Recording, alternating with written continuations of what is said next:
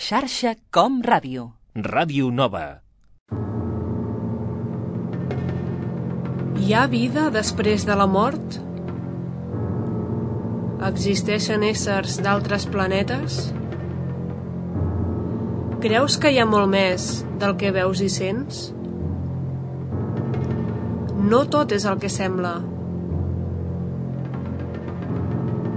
Arcanum. Tots els divendres de 8 a 9 del vespre al 107.7 FM.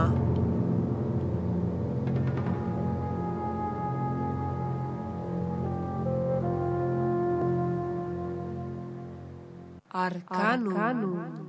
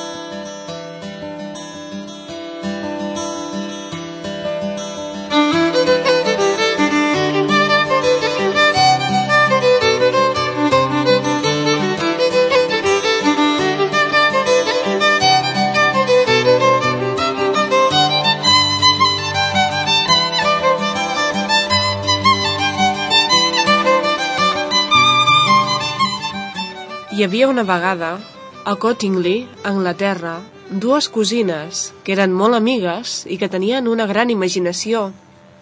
Es deien Elsie Wright, que tenia 16 anys, i Frances Griffith, que en tenia 10. Totes dues passaven l'estiu a Cottingley i deien als seus pares que podien veure les fades del bosc. Els pares no en feien cas, fins que un dia les nenes van demanar al pare d'Elsie que els deixés la seva càmera fotogràfica. Després d'insistir molt, les nenes van aconseguir la càmera. Era juliol de 1917, quan el pare d'Elsie va observar les fotos que les nenes havien fet. I apareixien unes dones diminutes, amb ales, precioses, i uns personatges baixets, molt graciosos, que semblaven follets. Finalment, aquell home, estranyat pel que veia, va decidir mostrar les fotografies a la Societat Teosòfica. La resposta no es va fer esperar. Les fotos van provocar un gran enrenou i personatges com Arthur Conan Doyle, creador de Sherlock Holmes, van mostrar un gran interès en el cas. Les plaques fotogràfiques van ser investigades per la casa Kodak, que no tenia resposta pel que veia. Alguns deien que les fotos eren un frau, que Elsie havia treballat per a un fotògraf i que podia haver après com fer muntatges fotogràfics. Garner, un investigador de l'època, va regalar una càmera nova a les noies demanant que fessin més fotografies, cosa que elles van aconseguir.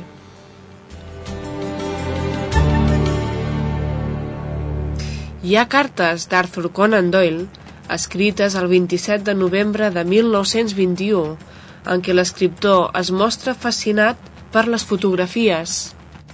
Sobretot, per una imatge en què apareix una fada amb un ram de flors i una altra en el que es veu a una fada que sembla a mig vestir-se i despertant-se d'un llarg son.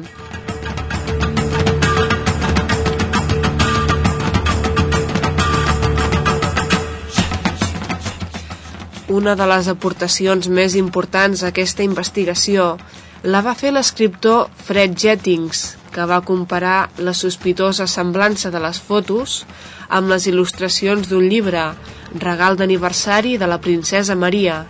Les fades eren pràcticament idèntiques, tant en el seu aspecte com en la seva posició física.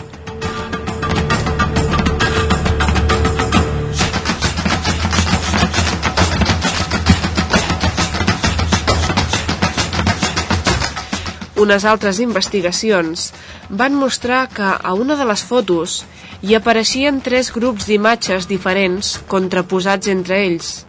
En un d'aquests grups apareixia una cascada amb l'aigua caient, veient-se clarament el moviment.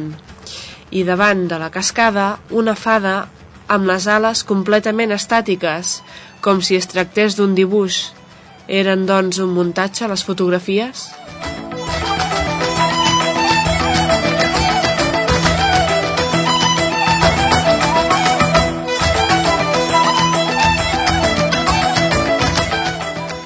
El 1983, Elsie, ja amb 80 anys complerts, va reconèixer haver retallat les fotos d'una revista i haver-hi afegit ales per posar-les posteriorment a les fotografies.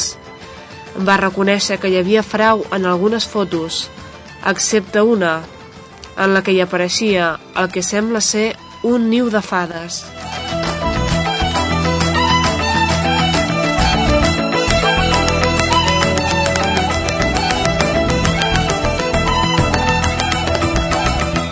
Recentment, a London's Night Bridge, es van subestar els negatius originals de les fotos i una persona anònima els va aconseguir pagant 6.000 lliures. Avui dia, malgrat els avenços tecnològics i fotogràfics que tenim, encara hi ha dubtes sobre si les fotografies són un muntatge o si són autèntiques.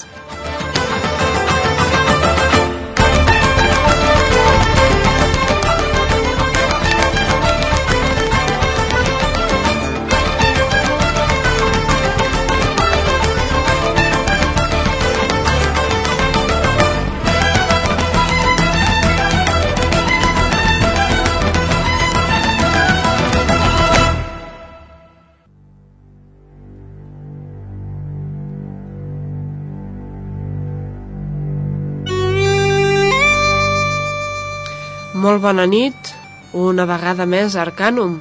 Després de la Setmana Santa, tornem amb nous misteris per descobrir.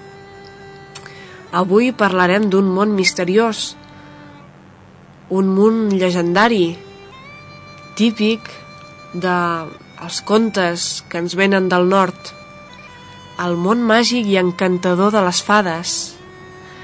Tothom ha somiat amb les fades, sobretot durant la infància, gràcies als contes. Però aquests personatges fantàstics, que ens acompanyen tota la vida realment, sembla ser que ens atrauen sempre.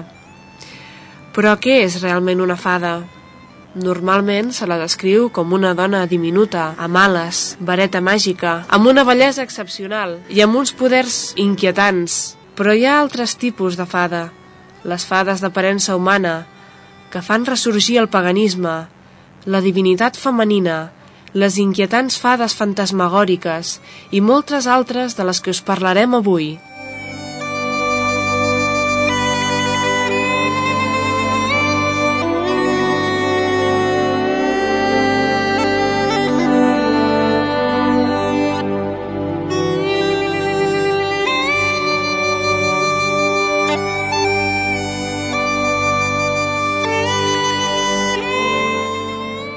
Amics i amigues d'Arcanum, benvinguts de nou en aquest programa d'avui. Us donem la benvinguda al meravellós món de les fades.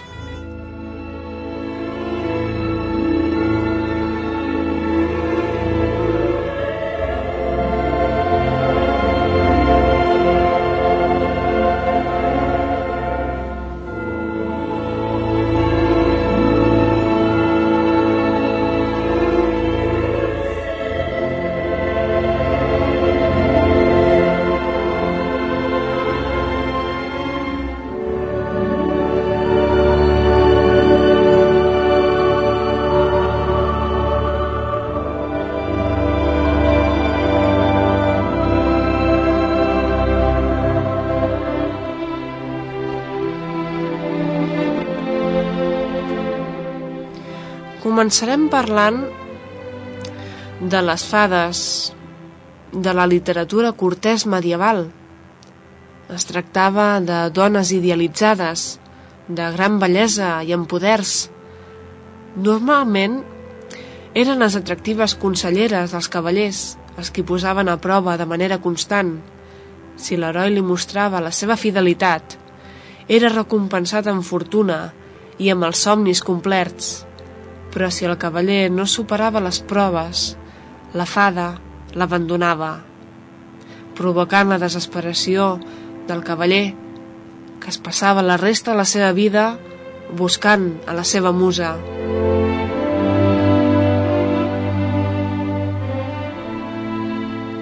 Es tractava, doncs, de dones protectores i eren la mà que decidia el destí de les persones com les temudes parques romanes que podien tallar el fil de la vida en qualsevol moment.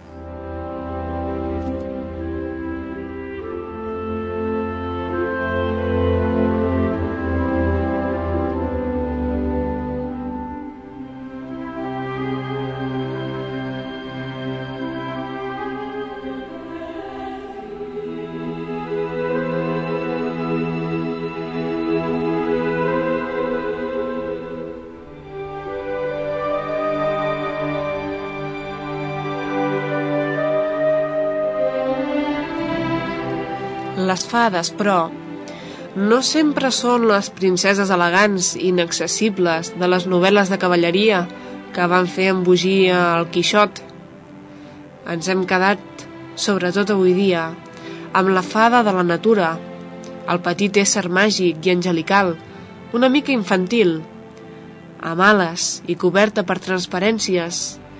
Viuen als boscos, als arbres, als jardins, Tenen parella, els elf, éssers dotats de poders, ecologistes, esperits de l'aire i, segons diuen, molt bons músics. El reverend Kirk, un pastor anglicà del segle XVII, deia haver-los vist en diverses ocasions. Els descriu com a missatgers del més enllà, a mitges entre l'home i l'àngel.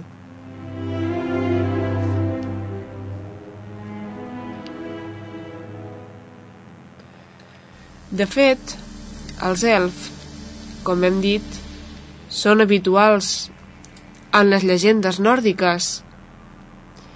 I de fet últimament en tenim una visió molt cinematogràfica gràcies a la trilogia El senyor dels anells basada en la novel·la de Tolkien tan expert en els mons fantàstics. Se'ls descriu com a criatures molt estilitzades amb les orelles punxegudes tant les fades com els elf, poden viure moltíssims segles, però no són pas immortals. Com va escriure James Matthew Barry a Peter Pan, si un nen diu no crec en les fades, una d'elles mor.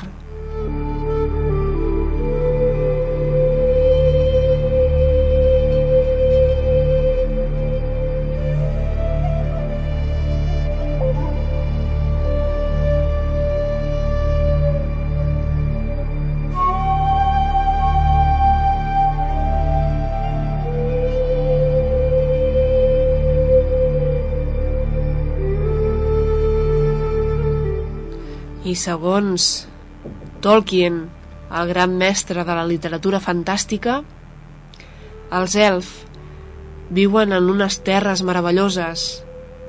Una d'elles, Lothlorien, una terra encantadora, plena de màgia, eterna, a la que la reina del New Age, Enya, li va posar música en l'encantadora peça musical que escoltareu a continuació, ni més ni menys que Lothlorien, del seu àlbum Shepherd Moons, un àlbum potser dels més exitosos d'Ènia, en el que ens mostra una vegada més el seu talent i el so únic de la seva música, una música molt adequada per aquests mons meravellosos en els que ens endinsem avui, les fades i els elf.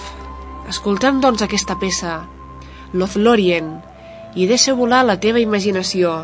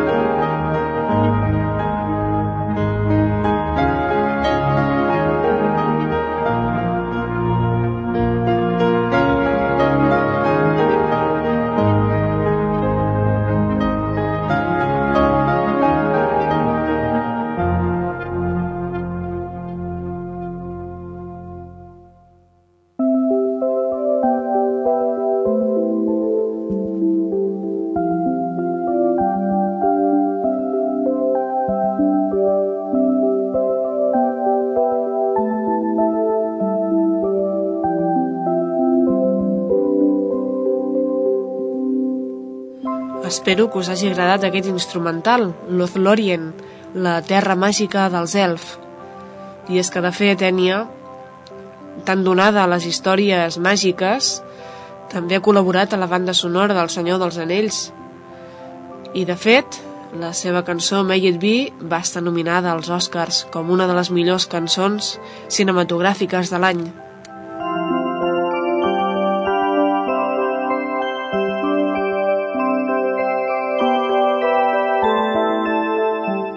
Seguim de moment amb les nostres històries màgiques d'elf i de fades.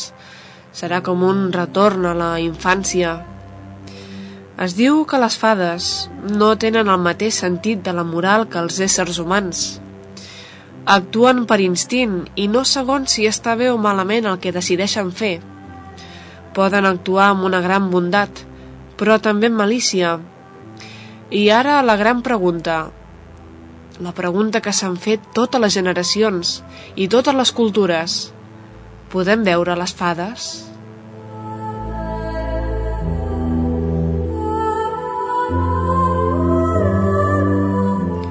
Sí, es diu que les fades són esperits de la vida, de la creativitat, de la fecunditat, aquelles persones que es mouen a les grans esferes de l'espiritualitat, de la imaginació i de la creació, poden veure les fades.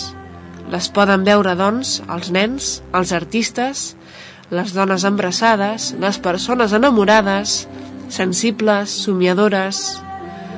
Ets tu una d'aquestes persones?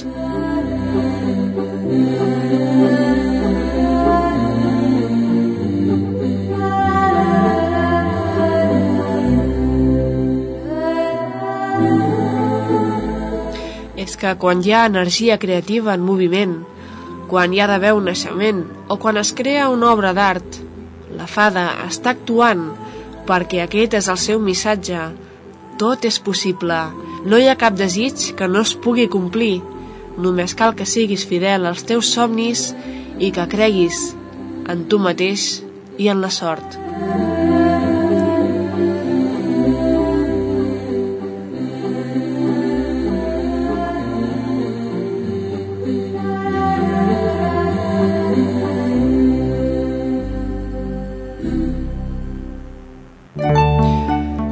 Parlem ara del que són les fades fadrines, que no podien faltar. Us resulten familiars, oi? Apareixien sovint en els contes per ajudar les persones més necessitades, com la Ventafocs, que abandonada per tothom i sense poder anar al ball del Palau, rebia la visita d'una fada que li proporcionava un vestit meravellós, una carrossa i unes sabates de cristall amb les que podia conquistar el príncep i canviar tota la seva vida.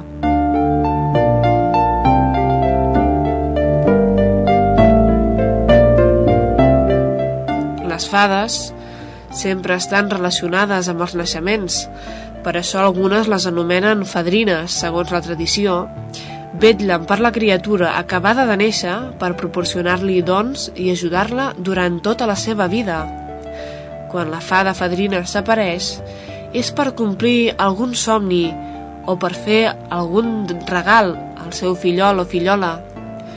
Però a vegades els seus regals són estranys, com en un conte segons el qual una fada omple el davantal d'una noia amb uns objectes que no ha de veure fins a arribar a casa.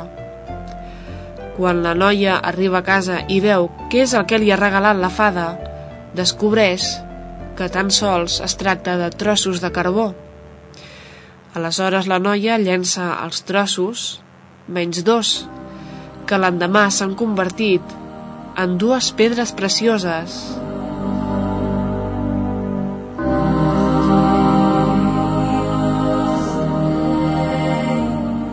Però quan la noia se'n va buscar els trossos de carbó que ha llançat, aquests han desaparegut.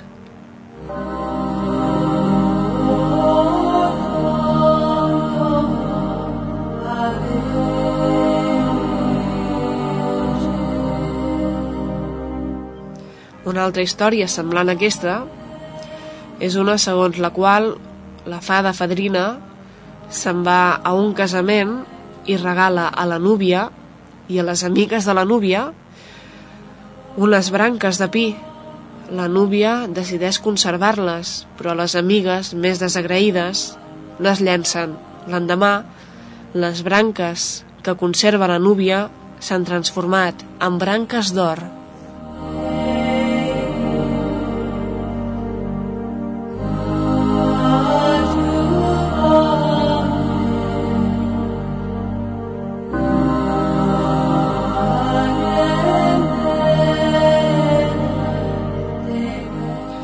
És que les fades fadrines ofereixen regals aparentment sense cap valor, esperant cert agraïment i certa saviesa.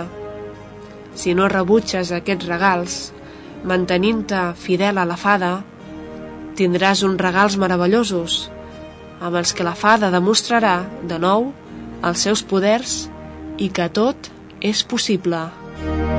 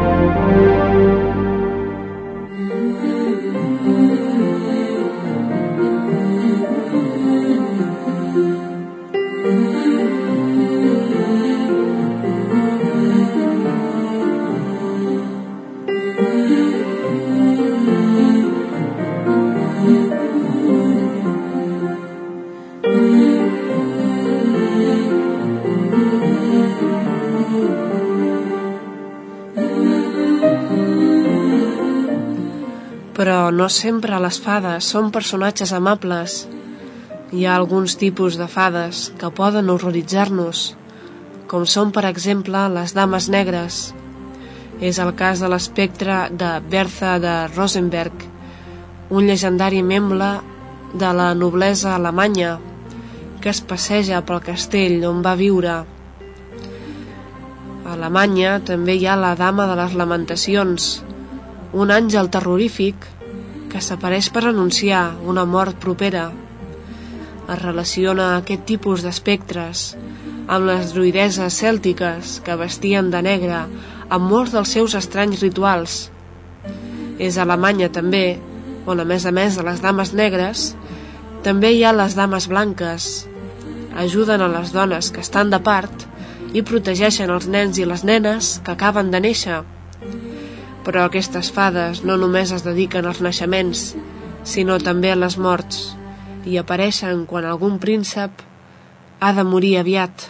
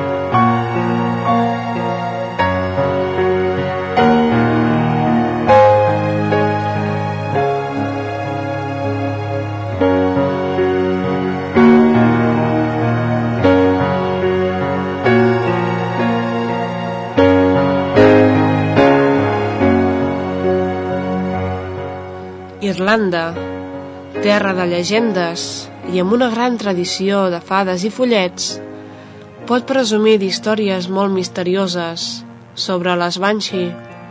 Les Banshee són una espècie d'espectre en forma de dona que es dedica a protegir els artistes, com ara els músics o els poetes.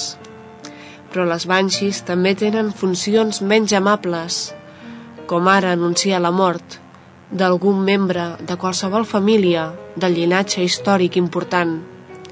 S'apareix com una verge que canta o com una dona que apareix plorant, sempre embolicada en un sudari. A Escòcia també hi ha històries de banxis. Algunes d'elles apareixien als llacs, rentant la roba dels que han de morir en una batalla. Les banxi de la família MacLeod gronxa els hereus que dormen als seus bressols, i al segle XVII, la Banshee de la família Grant seia al costat del patriarca cada vegada que aquest jugava a escacs per indicar-li les millors jugades.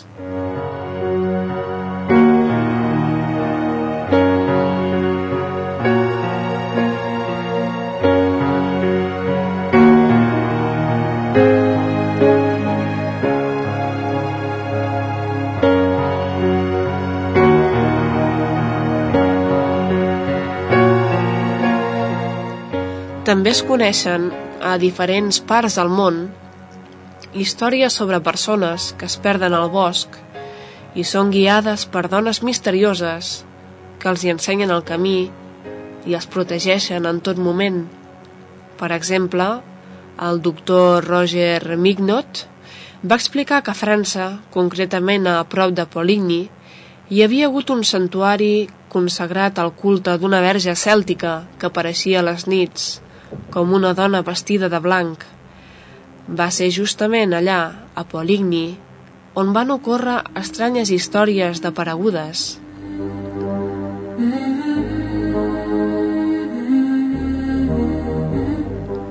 Diuen que en una ocasió un pastor es va perdre pel bosc buscant una ovella que se li havia escapat. Els pares del noi, preocupats, van buscar-lo durant tres dies fins que van trobar-lo molt tranquil i amb un aspecte molt saludable. Va explicar que havia pogut sobreviure gràcies a una dona molt bonica vestida de blanc, que li havia portat menjar dos cops al dia. També s'ha documentat que l'any 1789 una pastora es va perdre als boscos de Corchats i la van trobar tres dies després, completament sana, i explicant que no li havia passat res, perquè durant aquells dies una dona l'havia estat cuidant. Què havien vist realment aquestes persones?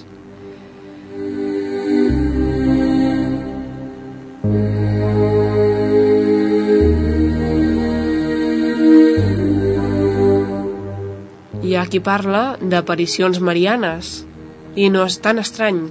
Algunes fonts paganes, dedicades antigament a les fades, en cristianitzar-se, es van consagrar a la Verge Maria, convertint-la en la patrona de les fades i reconciliant d'aquesta manera els cultes pagans amb la religió cristiana.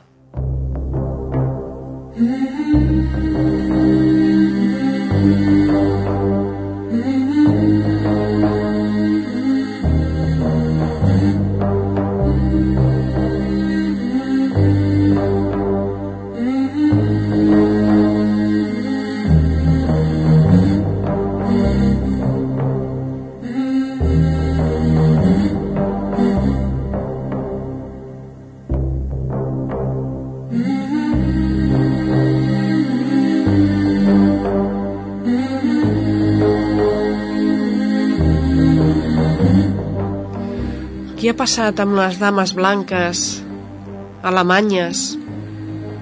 O per què alemanyes, sinó de totes les cultures? Aquests espectres misteriosos.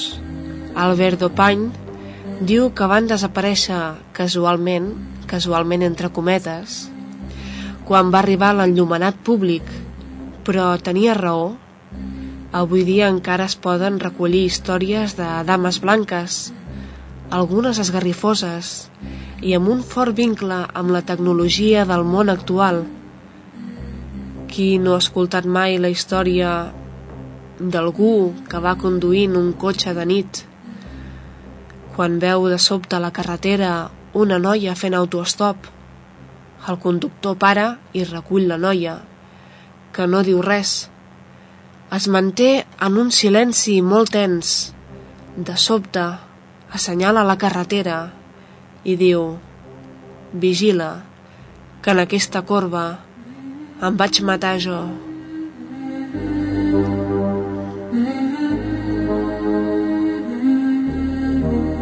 I a continuació el conductor veu que la noia ha desaparegut.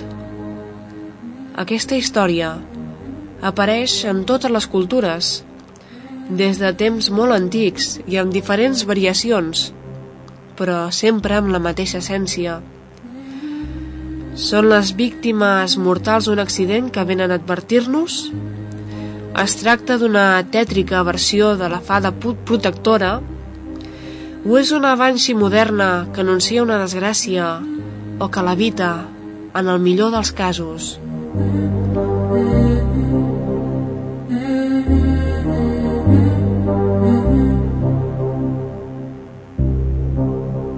I és que la figura de la fada no sempre és amable.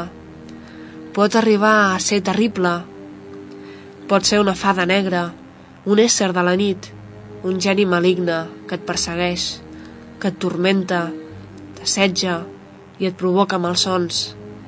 De fet, la paraula malson ve de la paraula mar, que significa elf negre, i d'aquí la paraula anglesa nigmer, Nagmar en alemany o Maren en danès.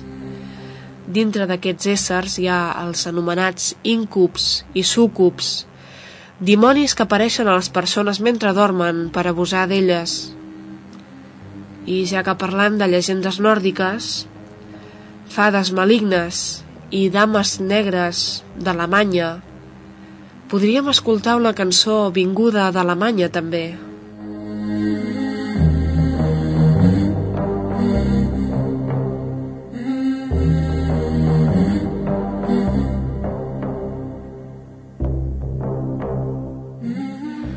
El grup Rammstein explica històries terrorífiques com ningú i amb una força considerable. Estimats nens, aneu en compte. Soc la veu del vostre coixí. Us porto una cosa. M'ho he tret del pit. Amb aquest cor tinc el poder per manipular les vostres parpelles. Cantaré fins que surti el sol. Veig una clara llum al firmament. El meu cor crema. Us visiten de nit dimonis, esperits, fades negres. Surten del soterrani i poden veure-hi sota els vostres llençols. Benvinguts i benvingudes a un nou conte de fades. Només que el d'ara serà terrorífic.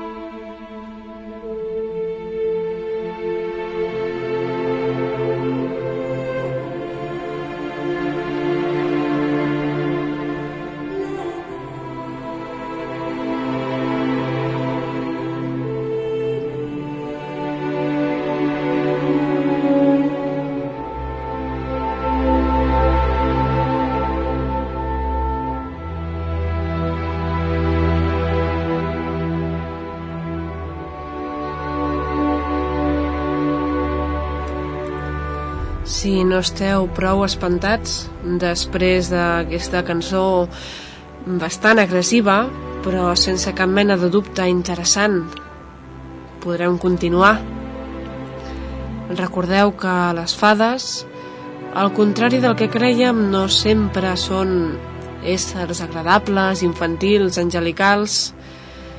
També poden tenir certa malícia i poden ser terrorífics personatges, com hem vist a la cançó anterior, que trobareu a l'àlbum Mota, Mare, en alemany. Aquest àlbum té moltes cançons que tracten el tema de la infància, però des d'un punt de vista no massa idíl·lic, precisament.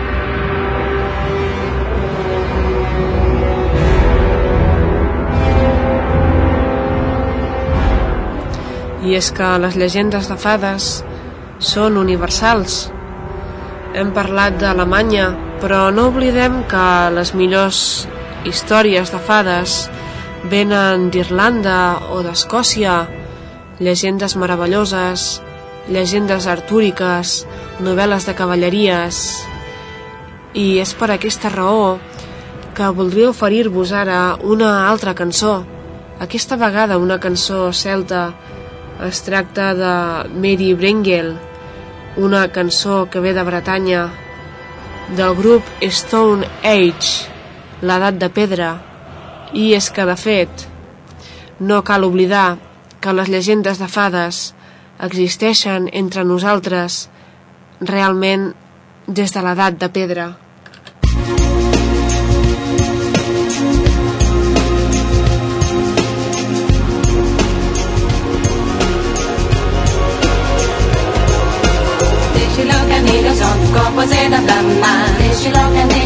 poppa se la fiamma so che adesso segno uomo che non si vertissa so che adesso segno uomo che non si vertissa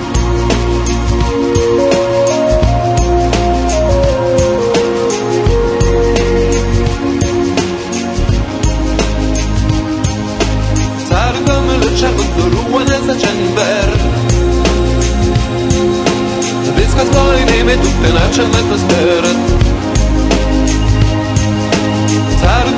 czerwony ruane zaczęber Danie femenę czerwony ruane zaczęber Blisko z moim imię tu ten atmosferę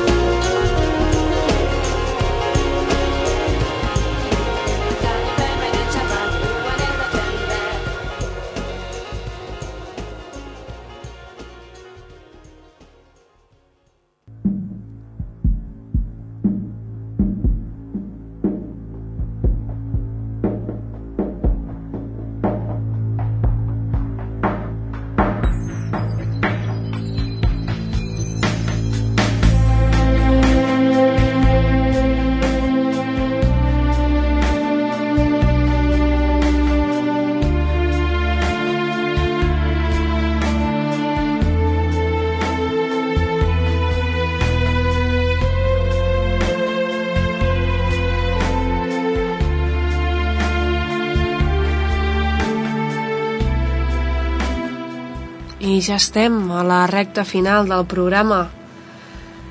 Hem escoltat Stone Age, un grup que ens recorda les grans llegendes celtes en les que hi han tants éssers màgics amb els que avui hem tornat a somiar.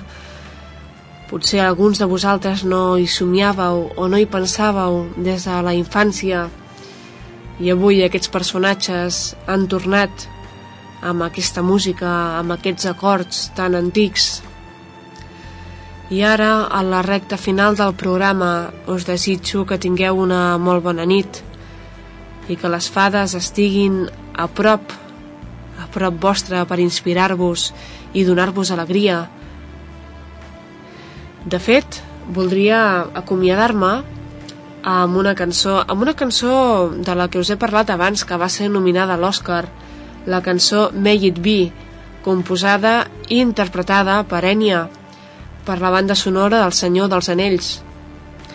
Però abans, desitjar-vos que tingueu una bona nit i que no hi hagi cap fada que us molesti. Per això tenim la següent oració que es recitava antigament. Que el Suprem Numen Divinum, que el Sant Sanctus Spiritus, que el Salus Sanctus Dominus em protegeixin també aquesta nit contra la mala gent que ve a les fosques, contra els que cavalquen a les verdisses, cacera salvatge i membres dels teus, que porteu les rodes i les cordes, morts tormentats a la roda i penjats. Aneu-vos-en d'aquí, elf i fill de l'elf. No seguiu aquí més temps, germana i pare dels elf. Sortiu, la verdissa travesseu.